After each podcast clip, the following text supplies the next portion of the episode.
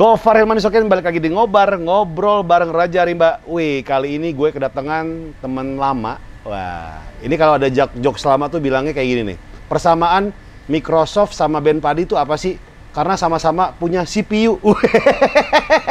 Bersama Piu. Mas Piu apa kabar Mas Piu? jok jok lama banget iya, makanya kan. Jok lama tuh pasti gitu tuh. Persama Microsoft sama eh, Padi Ben sama-sama punya CPU.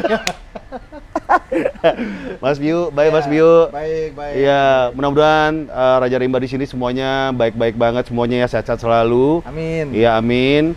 Kita apa namanya pagi ini kita syuting bareng di sini, pengen ngobrol-ngobrol karena janjiannya sebenarnya udah lama banget mas ya. Waduh, lama banget. Akhirnya Singaraja yang pertemukan kita. Yang pertemukan kita di Makanya kita cheers dulu. Oh, Oke, oke, oke. Iya, iya. Hmm.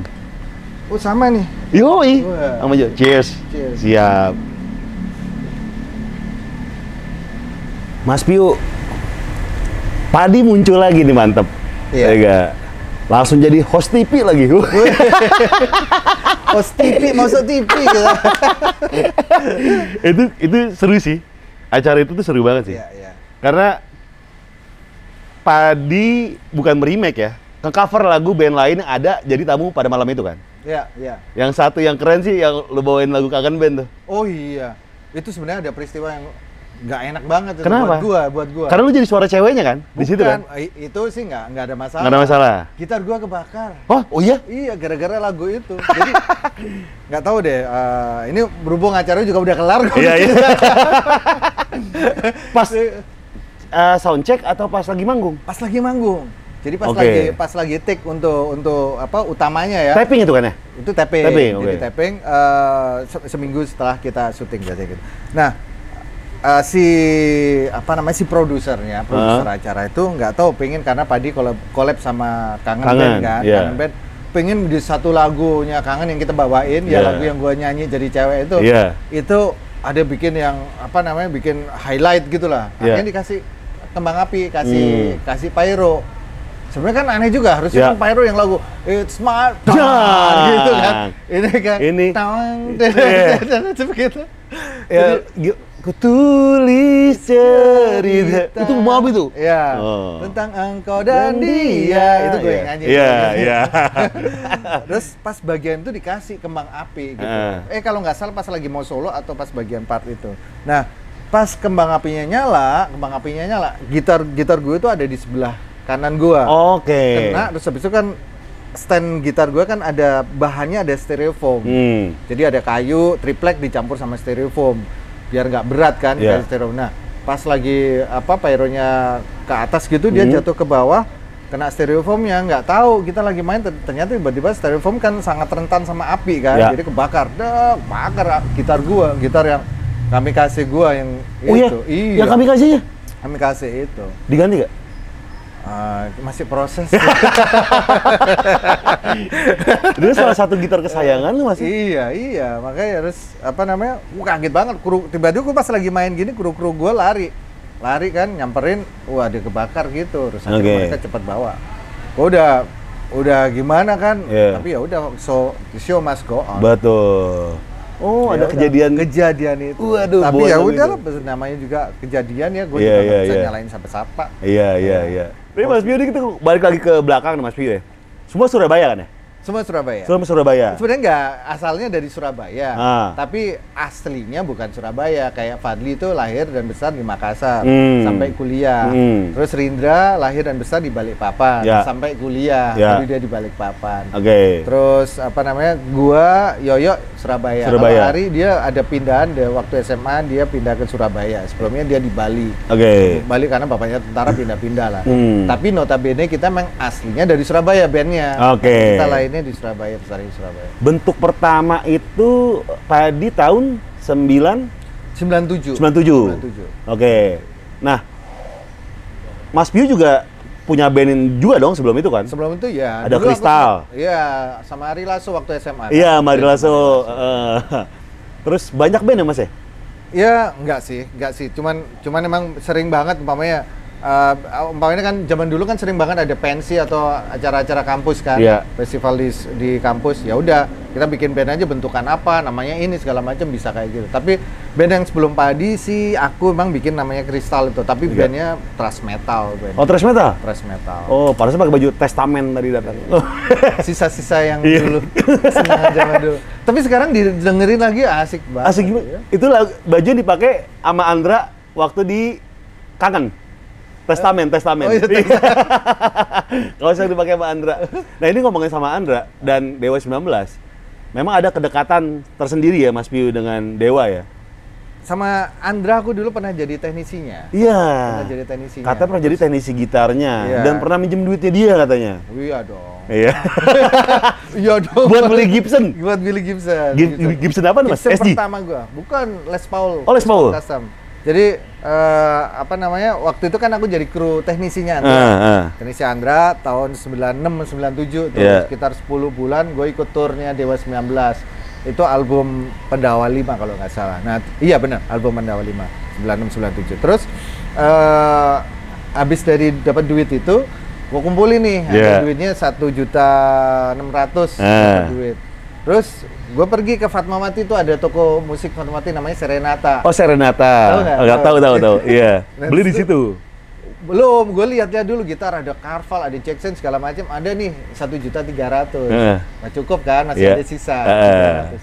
Eh ternyata di pojokan itu ada gitar apa namanya gitar ada soft case-nya Gibson. Heeh. Aku tanya ke si Mas Mas Bari kalau nggak salah itu, Mas itu gitarnya gitar siapa ini? Ada orang yang jual titip jual di sini. Berapa Heeh. harganya? Dia buka sih 5 juta. Boleh lihat? Akhirnya gue lihat kan. Heeh.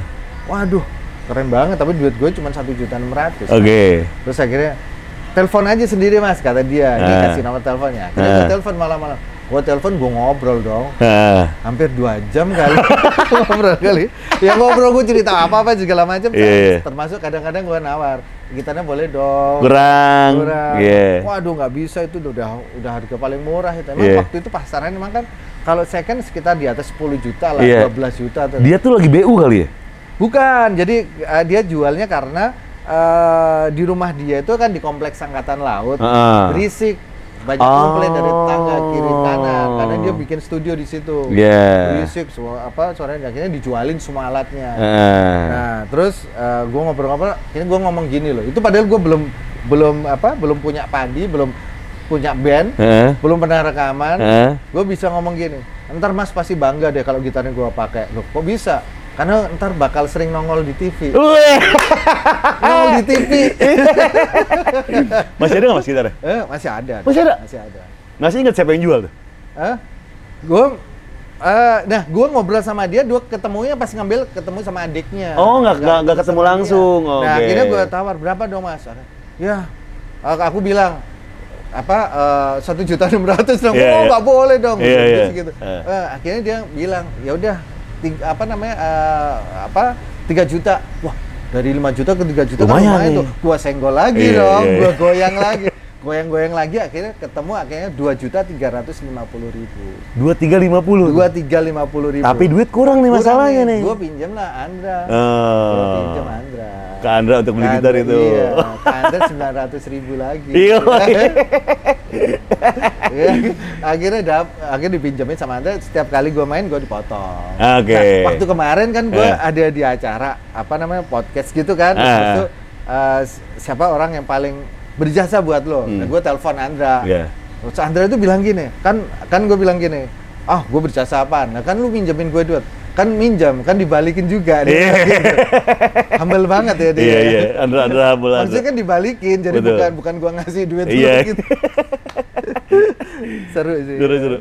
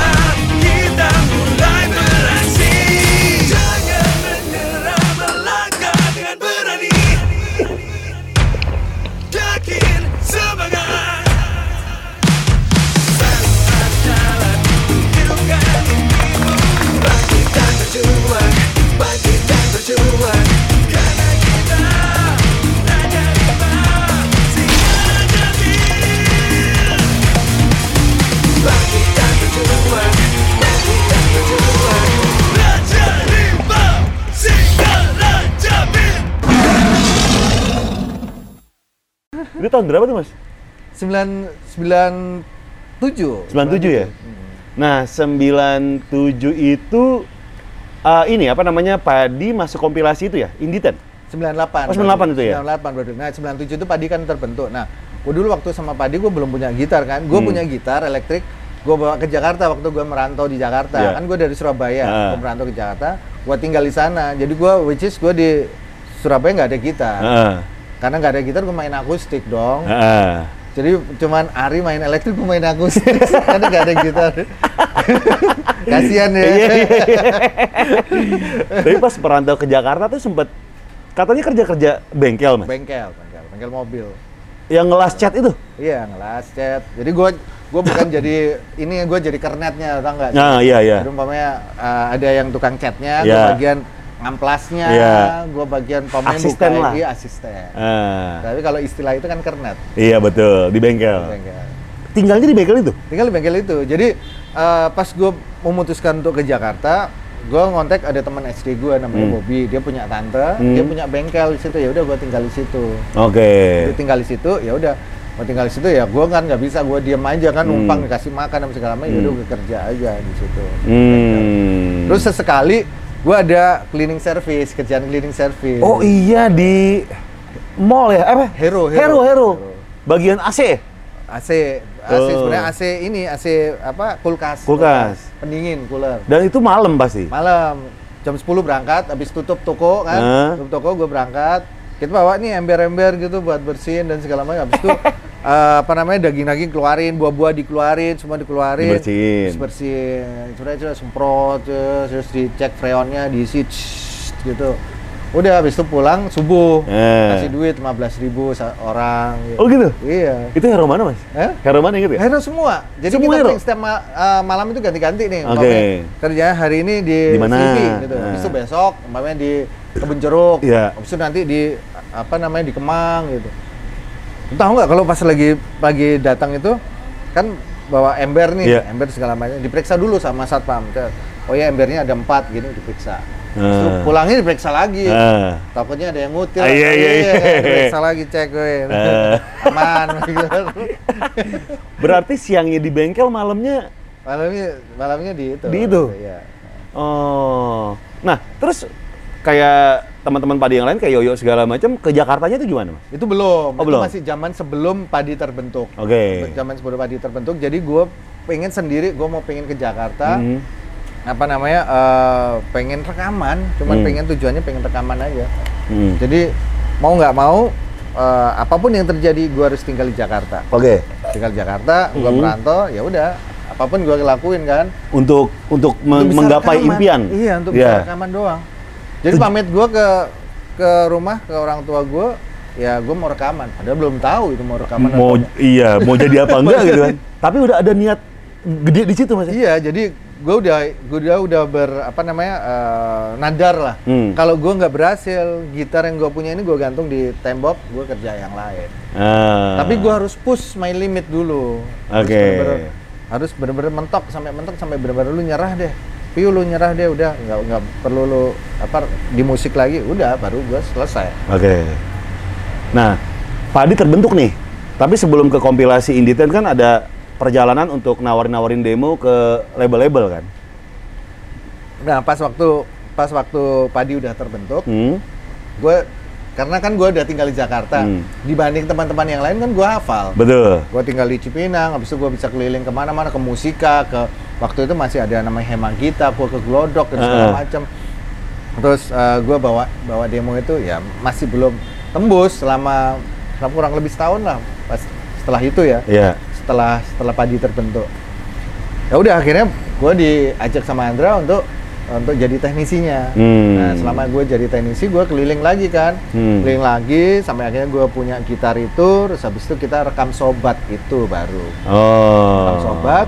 Nah sampai di satu kesempatan di satu, salah satu acara di poster cafe lu tahu Bang, poster di Pusat Cafe Sa- Satria Mandala. Iya. Iya, eh. itu waktu itu eh, ada Dewa 19 kalau nggak salah ulang ulang tahun. Eh. Undang dong produser-produser yang lain. Nah, gue tuh udah ngafalin muka-mukanya produser ini Pak Suryoko itu ini. Pak Eh. Gue udah hafal. Ini gue samperin salah satunya Pak Ian itu. Oh, Pak Yan. Akhirnya dari situ gue kenalan dan biasanya gue diantar sama temen gue namanya Harun yang waktu itu dulu dia sempat jadi produser yang Dewa juga tapi dia adik kelas gue di SMA 2 Ya, Surabaya. ya. Akhirnya gue ketemu sama Pak Ian. Pak Yan itu tuh salah satu orang yang membesarkan Dewa dan Club Project ya? Club Project. Iya. Hmm. Ya. Ketemulah sama Pak Yan ini. Iya, iya.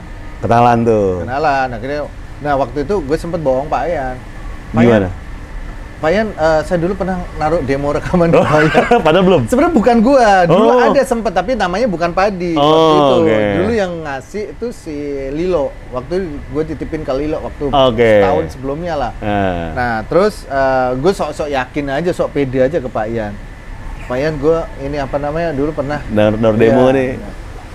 Apa eh, naruh demo oh iya iya oh yang mana ya? Gitu. Padahal emang belum pernah. Waktu Pak Ian gue ingetin oh iya iya. Padahal belum pernah gue ngasih. Akhirnya ya udah akhirnya diterima sama dia. Akhirnya eh, selang setelah itu kan gue bawa kan gue Hmm. bawa demonya ada lagu sobat itu. Hmm. sobat ada demi cinta ada sudahlah dan segala macamnya. Kurang lebih enam lagu kalau nggak salah. Oke. Terus habis itu baru eh, berapa waktu kemudian ditelepon sama Pak Ian. Hmm. Gua udah di Surabaya nih Hmm. ceritanya. Yuk mau nggak apa eh, apa namanya eh, rekaman Hmm. gitu. Ya udah akhirnya eh, oh enggak Se- sebelum itu gua ngajakin Pak setelah ketemu Pak Ian di kantornya Sony Music itu gua Hmm. nawarin Pak Ian untuk datang ke Surabaya untuk nonton kita main. Oke. Karena gue udah yakin nih sama Pak Iya, Adi nih iya, iya. sebagai band itu udah Eh. buat gue udah solid dan asik nih bakalan Eh. asik gitu. Masa sih nggak diterima? Iya. Nah akhirnya eh, Pak Ian ngutus eh, apa eh, orang utusannya dia waktu itu Mas Kunto almarhum Eh, eh, untuk Dia nonton? bagi- untuk nonton di Surabaya kita main nih, Tet, termasuk lagu Sobat kita bawain. Nah pas lagi itu gue tanyain di acara itu, dulu lagi lagi happy gitu kan, lagi- waktu itu kita pembukanya riff gitu kan. Oke. Gue masih inget banget, gue sambil ngomong di sebelahnya, dia sambil bawa bir gitu, Eh. eh, apa namanya, lagi, lagi riff, lagi main. Terus, Eh. Gimana mas? Ya, Mas, bagus sih lagunya, tapi ada yang sobat itu bagus, tapi eh, liriknya kayaknya harus diganti deh. Wah, gue se- gue sedih kan. Ah, Anjir, gue udah berkali-kali nawarin demo rekaman, masa terakhir ini gagal lagi. Iya. Nah, gue gue ngomong dalam diri gue sendiri, gue besok gue bakal telepon Pak Ian. Jadi atau enggak nih rekaman atau enggak Hmm. Iya, nih, iya. gitu kan. Nah, besok sebelumnya jam 4 sore ada telepon di rumah bunyi. Waktu masih telepon. iya, telepon rumah. Telepon rumah. Iya. gua angkat habis itu dibilang "Eh, saya Mbak Ida as- se- sekretarisnya Pak Ian Pak Ian mau bicara nih terus Pak Ian langsung ngomong yuk lu mau rekaman nggak gitu Oke. semalam kayaknya keren ya mainnya waduh ternyata apa Feedbacknya- beritanya bagus Ah, oke. ya udah langsung tawarin Pak Tapi liriknya dirubah? Enggak. enggak enggak Oh, enggak. nah bahkan Pak Ian itu bukan minta lagu sobat untuk direkam untuk single itu Oke. lagu satunya judulnya Demi Cinta Oh. karena lagunya kan lagu ballad kan Mm, mm. ballad. Terus pas waktu kita udah berangkat ke rek- apa rekaman, eh, ternyata kita rekam sobat aja deh. Ya, iya, iya, iya. Nah, pas waktu kita udah rekam sobat, Pak Ian datang ke studio. Demi cintanya mana? Nanti abis ini. Gitu. Nah akhirnya malah jadi sobat, jadi ya udah. Akhirnya Langsung masuk kompilasi. kompilasi. Kompilasi. Memang udah Pak Ian udah bilang Ya. kita mau bikinin Kompilasi. dulu. Sama single. Wong dulu ya. Ada Wong, ada kafein. Kafein, ya ya, Inditen. Inditen, Inditen. Tapi ada rumor-rumor emang sebelumnya ditolak sama Aquarius. Nah, iya itu pernah, pernah gua. Sebenarnya itu, itu ada Dani itu di situ. Iya katanya di belakangnya Dani yang nggak suka. Bukan gitu. Jadi eh, gue waktu itu datang sama Ari gitarisnya Padi ke situ Hmm. kan udah sama almarhum Pak In Hmm. kita dengerin lagunya nih lagi enak nih di ruangannya Pak In dengerin dia gini-gini suaranya kayak ini ya kayak Ari Lasso ya di Hmm. ngomongnya gitu kan orang Hmm. Itu dari apa dari pintu ada pintu dibuka kan Dani ma- masuk karena Dani kan artisnya Aquarius Betul. anak kesayangannya di Anak emas. Anak emas Anak ya, emasnya. dia bilang gini pain pain nggak usah diterima pain nggak enak nggak enak kurang ajar gak gitu. harus kan dia temen gua gitu Iya, iya, kan? iya, temen iya. gua apa apa dia Kenal saya- kan? kenal iya kenal lah. Sama Gua Ari aja ngeband. iya wak- eh, kan gue juga apa jadi, Jadi krunya. Iya. harusnya paling enggak kan dia masuk Iya Pak In bantu dong ini enak ini asik ini. temanku dari Surabaya atau Iya, iya, iya. Enggak malah bilang gitu. Enggak enak, enggak enak, Pak In, enggak usah diterima. Sampai ketawa gitu. Ya mungkin ya, mungkin dia bercanda sih. Iya, iya, iya. Nah, orang-orang nggak tahu gitu Kalau perasaan. dia bercanda. iya kan, perasaan. Mungkin Pak In aja ngeliat, oh iya ya, kata Dani nggak enak nih kayaknya. Siapa tahu kan? Iya. Tapi nggak jadi, nggak ada kabar dari dia. Nah, terus abis itu masuklah ke Indie Ten. Masuk Indie Ten. Indie Ten itu pecah tuh. Iya. Lagu Sobat itu. Single aja kita udah bisa keliling waktu itu di Jawa Timur kita keliling. Dari untuk- single tuh, Mas? Dari single aja. Jadi kita bingung kadang. Kita bawain lagu apa lagi ya? Ya akhirnya kita cover kan banyak tuh. Ah. Kita bawain YouTube, kita bawain apa Gugu Dolls waktu Ah. itu zaman itu terus Red Hot Chili Pepper. Jadi kita keliling ke kampus-kampus waktu itu. Jadi selang setahun kan dari single rilis sampai sampai setahun kita main terus.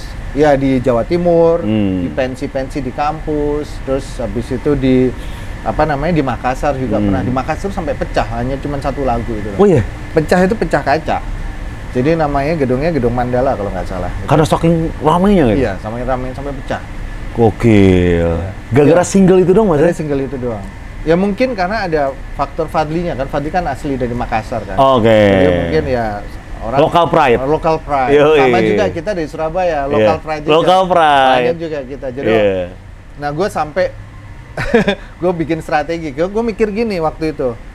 Kalau band Bandung itu selalu mereka ininya kuat banget kan. Iya, Kayak solid, riff, iya. ya, riff gitu begitu muncul wah apa namanya orang-orang Masanya ya. Bandung itu masanya Bandung pada dukung dia. Ah, ah. Padi itu harus seperti itu gitu. Hmm. Jadi gue bikin akhirnya gue bikin selebaran tau nggak?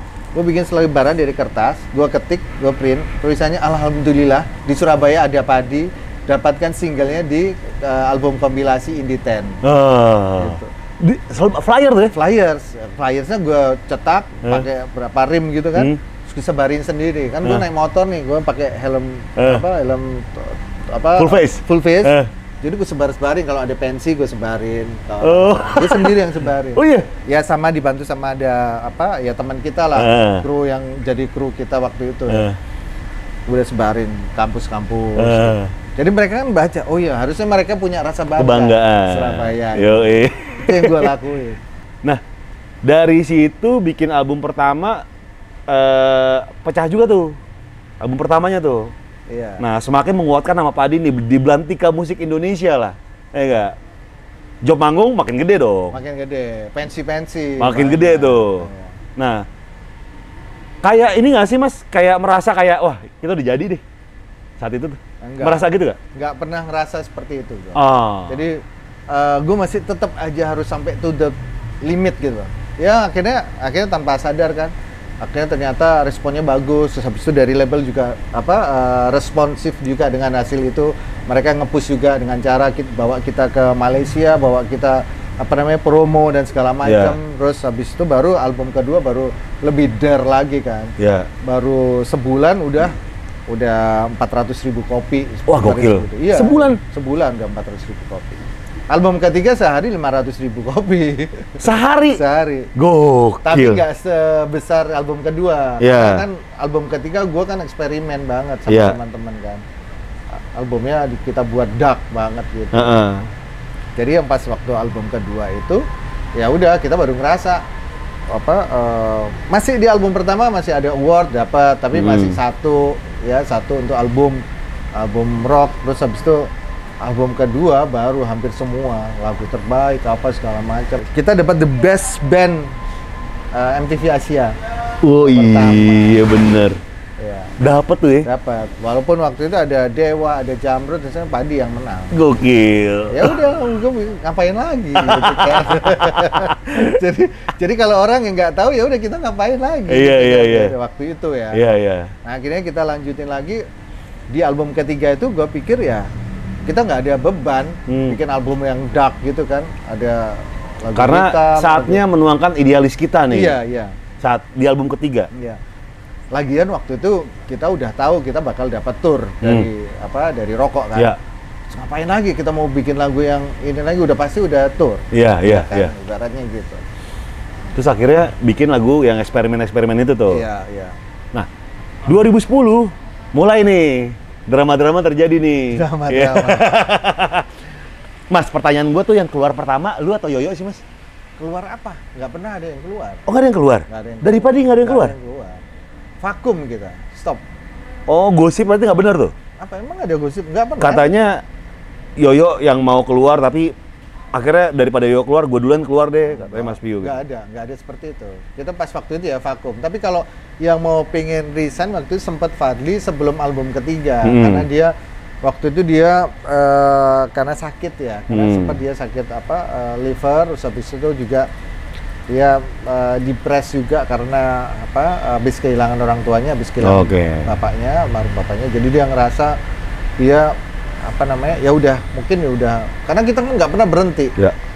jadi dia sempat dia kalau nggak salah dia sempat pulang ke Makassar terus habis itu dia uh, diskus sama ibunya terus ibunya bilang nguatin dia kamu nggak boleh berhenti kamu harus tetap jalan Jalan Padi. itu sempat kita apa namanya uh, Runding ya? iya sempat berunding begitu Tapi yang bikin akhirnya vakum tuh apa mas? vakum ya ya itu tadi karena kita udah nggak pernah stop kan Ya. bikin album tour bikin album tour bikin Oh, album pengen tour. break. Nah, nggak pernah nggak pernah kepikiran tuh pengen break karena nggak ada kesempatan tuh break kan Oke. paling kita break cuman waktu puasa aja Hmm. ada pun gitu nah terus akhirnya pas waktu 2010 itu ya mungkin eh, kita udah sendiri-sendiri kan Iya, iya. maksudnya udah udah pada merit semua udah pada nikah semua iya. udah rata-rata udah lima tahun pernikahan kami kita menikah rata-rata tahun 2000 ada yang 2000 terus 2005 yang terakhir Yoyo aku sama Ari jadi udah udah kehidupan ada punya anak dan segala macam jadi udah prioritas sudah bukan yang utama jadi- Betul. Udah banyak Akhirnya, hal. Udah banyak hal, udah ada yang mulai bikin produce apa segala macam. Iya. Ya udah terus habis itu tingkat kejenuhan udah mulai tinggi, komunikasi udah nggak bisa lagi. Terus habis itu udah ngerasa semua paling bener aja gitu. Ah. Terus aku pikir ya juga memang ada karena drugs juga kan. Iya. Akhirnya juga apa eh, tanpa kita sadarin ya memang itu mengganggu pola pikir Iya. atau pola ini kita juga. Hmm. Cara berpikir kita nggak bisa ngelihat secara sehat dan segala macam. Oh, ada pengaruh itu, Mas? Iya pasti ada lah. Oke. Ada gua kan juga masih ngerasa kenapa kok sampai begitu, kenapa begini, ternyata apa segala macam nggak nggak ketemu jawabannya gitu. Ah.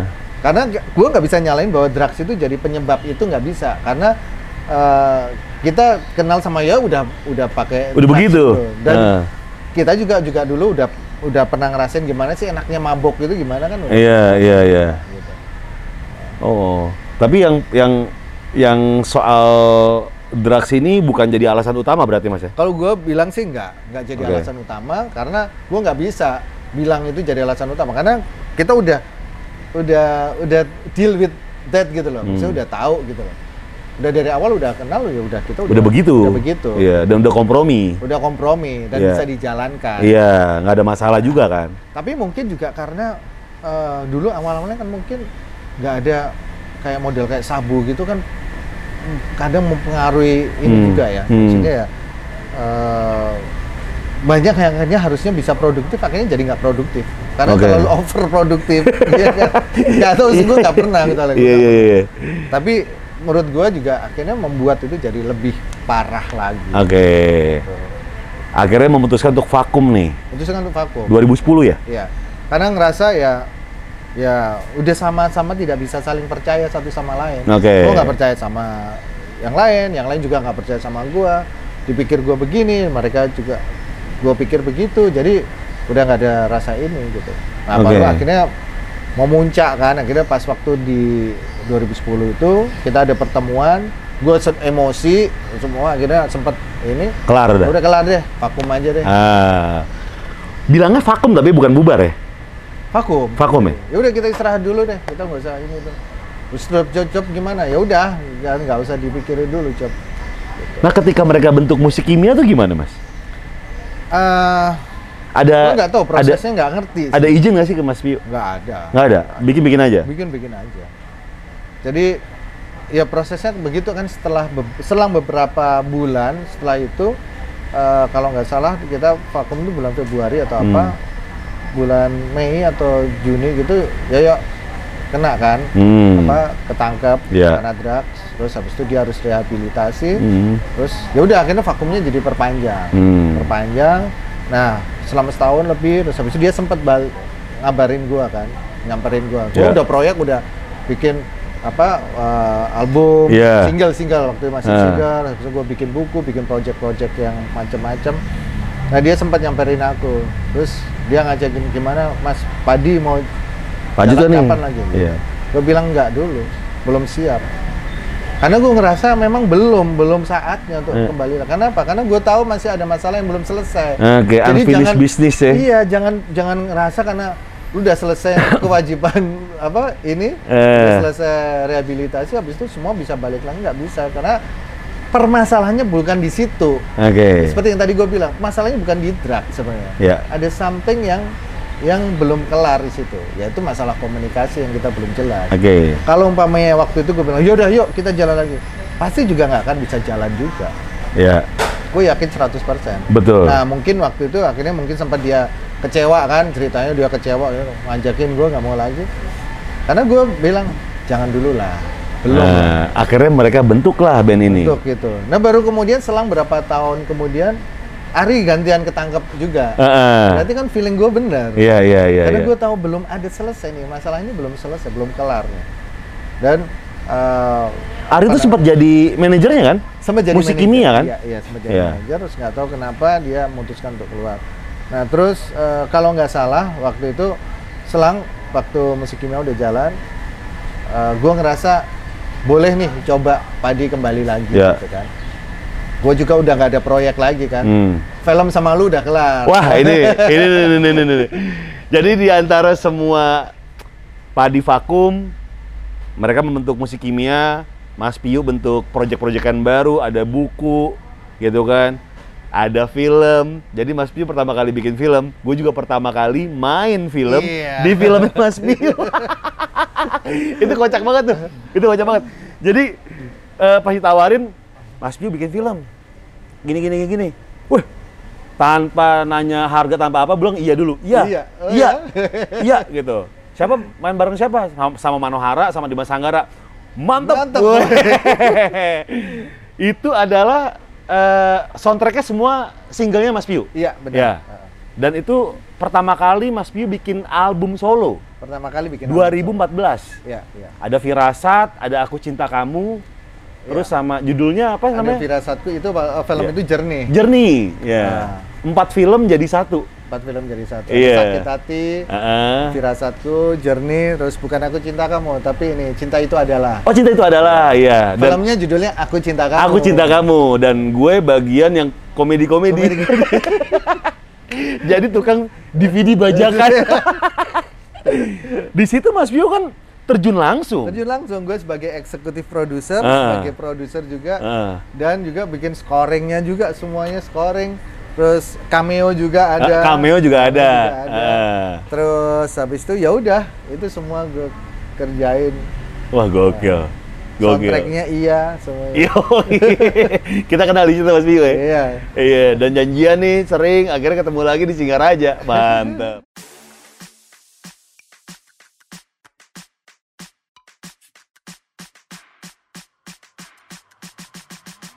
Oke, sekarang kita akan membacakan pertanyaan-pertanyaan dari para Singaraja di Sokin. Ya, ga. Yang terpilih ada lima pertanyaan. Yang pertama, Mas Pio harus wajib jawab nih ya.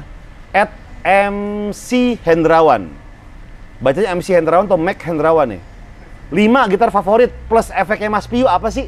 Gue cuma satu gitar favorit aja. Atau mungkin eh, yang akan pengen dibeli gitu? Ah, semuanya sih gitar gue cuman satu merek aja. Gibson. Gibson. Oke. Gibson Les Paul.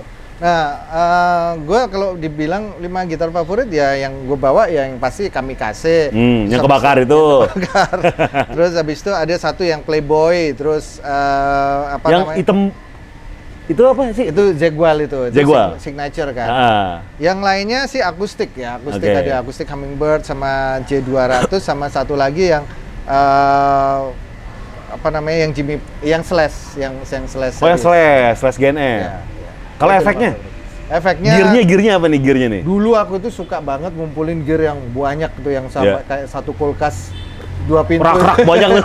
banyak banget. Habis itu dulu suka dibawa kan, Iya. bawa terus terakhir-terakhir pesawat itu nggak boleh bawa itu. Oh, nggak boleh? masuknya ke kargo jatuhnya. Oke. Kalau dulu masih bisa taruh di uh, di bagasi kan, Iya, di iya, bagasi. iya. Sekarang nggak boleh. Karena harus sesuai dengan kolinya, ukuran kolinya. Hmm. Sekarang pakai kecil aja, pakai fraktal, Hmm. fraktal floor gitu. Semua udah yang ada efek-efek yang besar-besar itu semua udah ada di situ sekarang. Oke. Sekarang udah digital, udah semua udah simulator. Udah ringkes. Udah ringkes. Iya. Iya udah makin kecil ya. Iya. Iya. Tuh udah kejawab. Yang yang kedua ada dari Mas Wit. Berandai-andai jika tidak menjadi gitaris, instrumen musik apa yang mau dipilih untuk dimainkan sama Mas Piu? Eh, apa ya? Pengennya sih pengen pengen biola. Biola? Biola.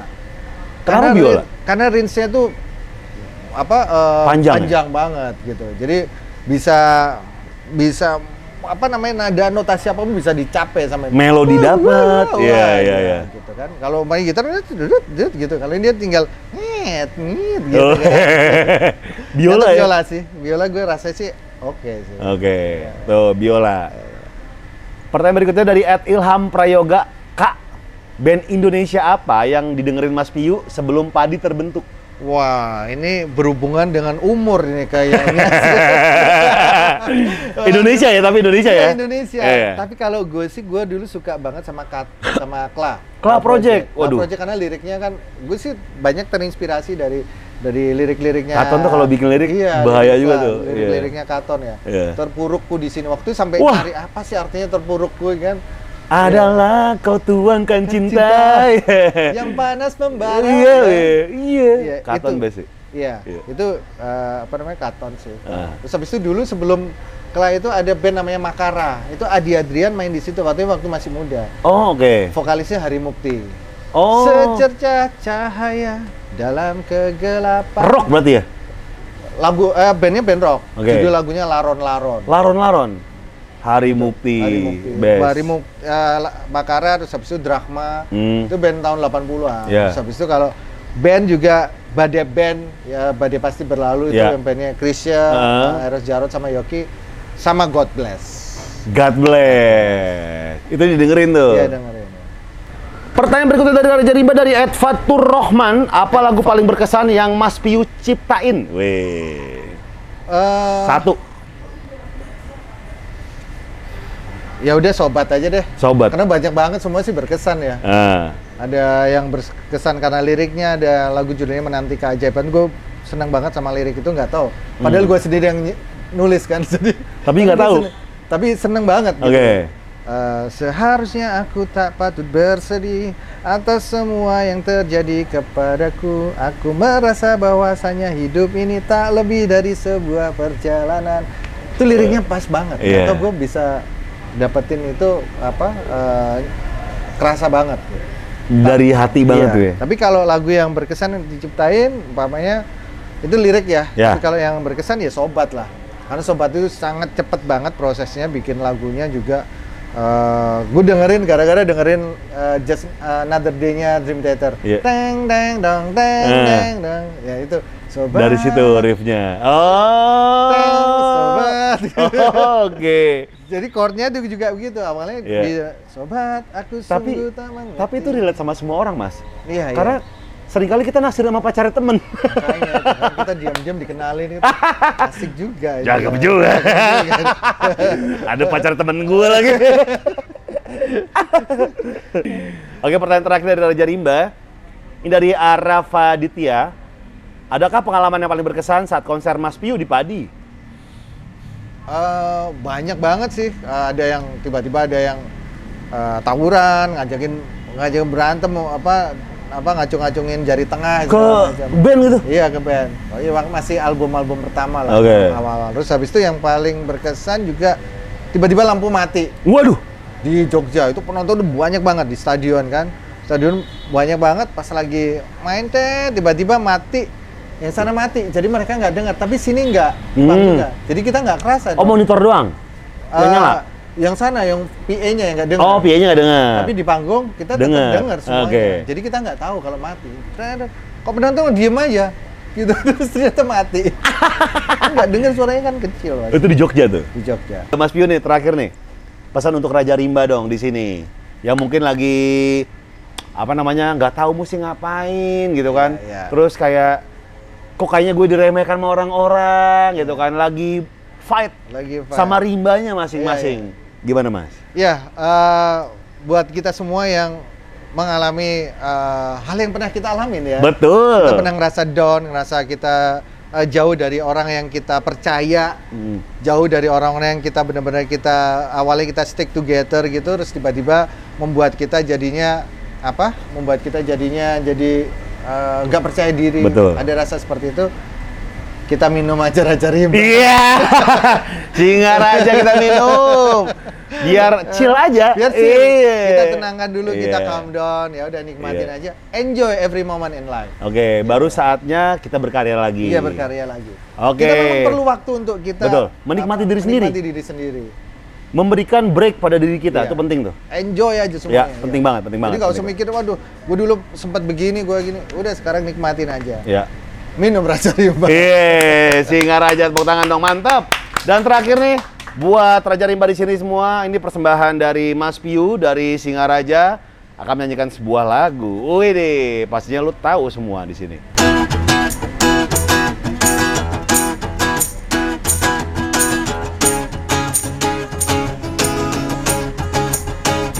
Bila cinta menggugah rasa begitu indah mengukir hatiku menyentuh jiwaku hapuskan semua gelisah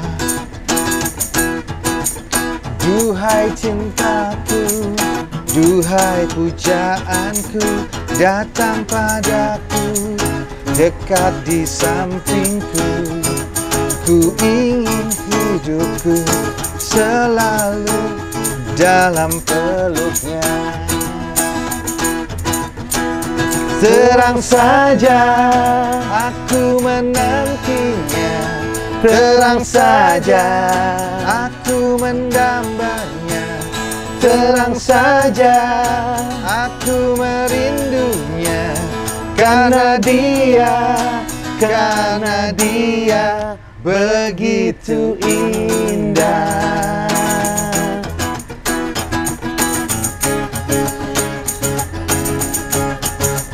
Duhai jiwaku, pujaan hatiku, peluk diriku, dekaplah jiwaku, bawa ragaku, melayang memeluk bintang. Oh terang saja aku menantinya. Terang saja aku mendambanya Terang saja aku merindunya. Karena dia Karena dia begitu indah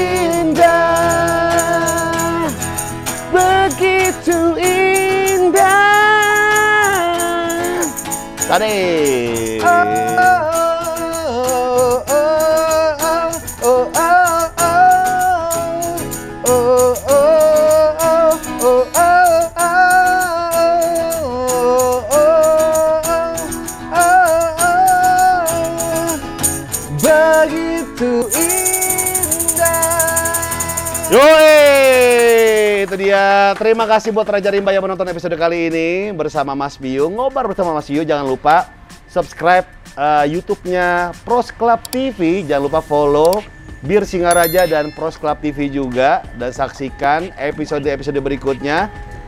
Jangan lupa ya, semuanya ada di Instagram, sosmed semuanya untuk tamu-tamu berikutnya. Mas Pio, thank you banget Mas Pio. Thank you banget. Kita terakhir cheers kita. Eh, mantap, Mantap. Support banget. Akhir kata, Gofar Hilman pamit, Mas Piu pamit. Sampai jumpa di episode berikutnya ngobar ngobrol bareng Raja Rimba. Bye. Bye.